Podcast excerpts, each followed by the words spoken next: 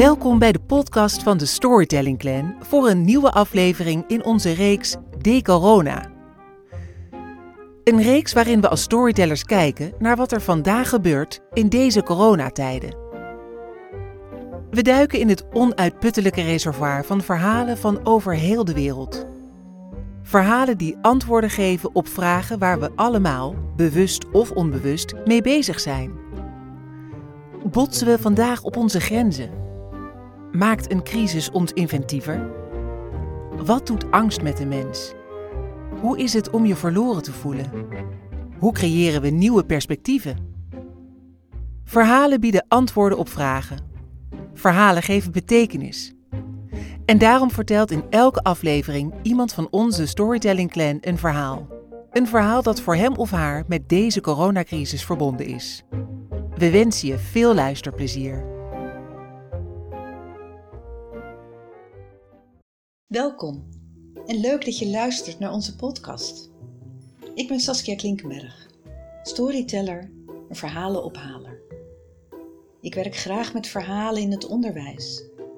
Studenten laten ervaren wat de kracht, het plezier, de kwaliteit en de impact is van het werken met verhalen. Het vertellen van je eigen verhaal en het ophalen en opschrijven van het verhaal van de ander, een medestudent, een cliënt of een klant.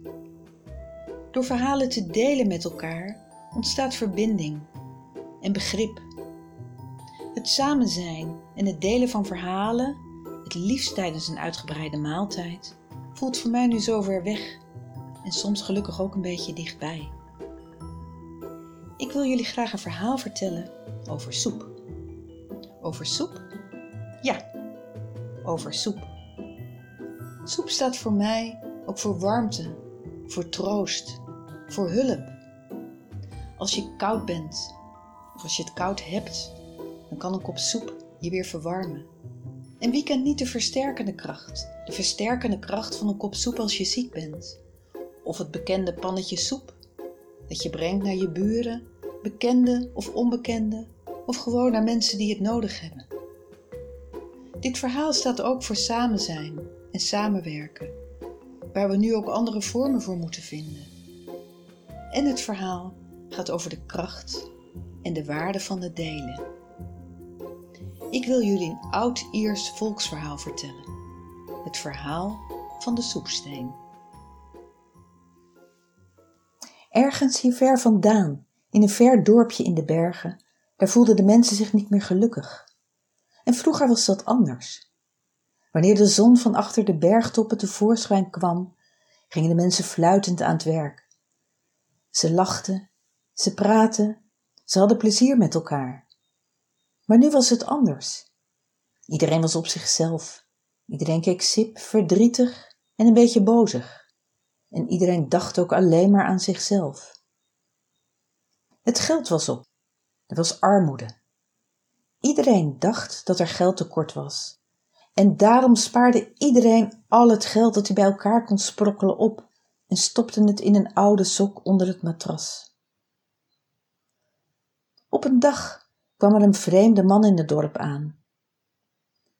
Hij had oude versleten kleren aan, gaten in zijn schoenen, was al dagen niet meer geschoren en zag er graadmager uit.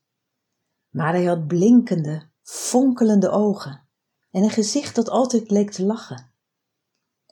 Hij keek om zich heen en vroeg Waarom kijkt iedereen hier zo sip, zo bozig? Wij zijn arm. Het geld is op en we kunnen ook echt helemaal niets meer kopen, kreeg hij als antwoord. De vreemdeling krabbelde even zijn stoppelbaard. Hij zette zijn hoge hoed wat naar achter en hij dacht na. Opeens zei hij: Ik weet iets. Ik zal voor jullie een soep van waarde maken. Een soep van waarde? vroegen de mensen wat is dat dan? En waarmee zouden wij dan wel die soep van waarde kunnen maken? Geen nood, zei de man. Ik heb een steen van waarde bij me. En daarmee kun je soep van waarde maken. De mensen van het dorp die het hoorden, ze konden hun oren niet geloven. Een steen van waarde? Daar kon je soep mee maken? Nee, daar hadden ze nog nooit van gehoord.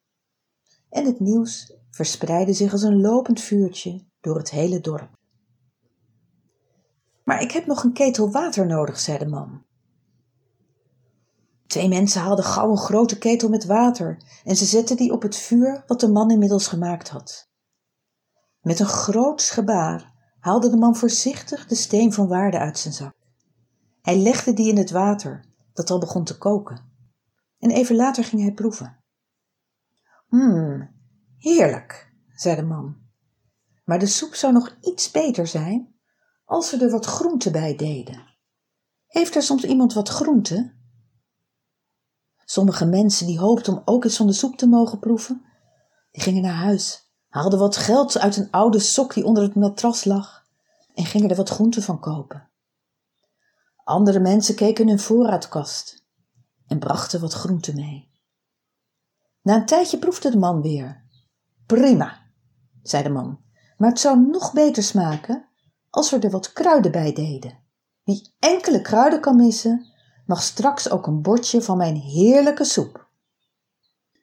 Verlegen kwamen enkele bewoners aanlopen, met nog een beetje prei, wat selderij, peterselie en zelfs een beetje zout. Er kwam een vrouw aan en zij bracht haar net gekochte bos worteltjes mee. Het begon al heerlijk te ruiken op het marktplein en de middenstand deed goede zaken. Ook kwamen er steeds meer mensen bij en ze snuffelde rond de grote soeppot. Ze is bijna klaar, maar als we er nu ook nog een groot stuk soepvlees in doen, dan hebben wij echt de lekkerste soep van de hele wereld. De mensen zamelden wat geld weer met elkaar. Ze gingen naar de slager en ze kochten een mooi stuk soepvlees. De geur van heerlijke soep vulde het hele dorp en het duurde niet lang of iedereen stond al klaar met een bord en een lepel om van de heerlijke soep te proeven. En toen de soep klaar was, werd de soep uitgedeeld en iedereen mocht ervan nemen, want iedereen had ook iets gekocht of ingebracht. Alle bewoners begonnen te smullen te smakken. Zo'n heerlijke soep hadden ze nog nooit geproefd. En telkens weer kwamen ze om hun bord te vullen. En ook alle kinderen aten hun buik rond. Iedereen voelde zich blij je kon het zien en horen aan de mensen. Je kon zien dat ze er echt van genoten hadden. De speelman rende naar huis, haalde zijn viool op. De mensen begonnen te dansen op de muziek, te lachen en met elkaar te praten. Het dorp was weer in vreugde. Het spijt me echt, zei de vreemde man. Ik moet nu vertrekken. Alle mensen vonden het jammer. Maar de steen van waarde, die mogen jullie houden, zei de man. En om zulke lekkere soep te maken, moet je telkens doen zoals je vandaag gedaan hebt.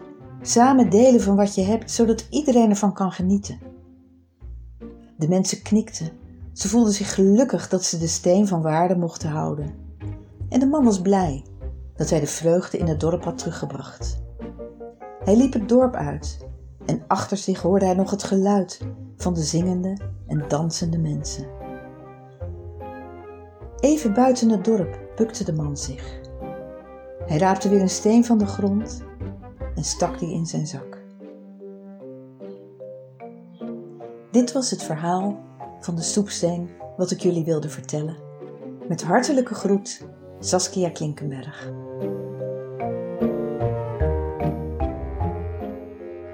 Tot zover deze aflevering van De Corona. Bedankt dat je luisterde. Blijf veilig, blijf gezond, blijf vertellen, blijf luisteren. Want volgende week is er weer een nieuwe aflevering van De Corona.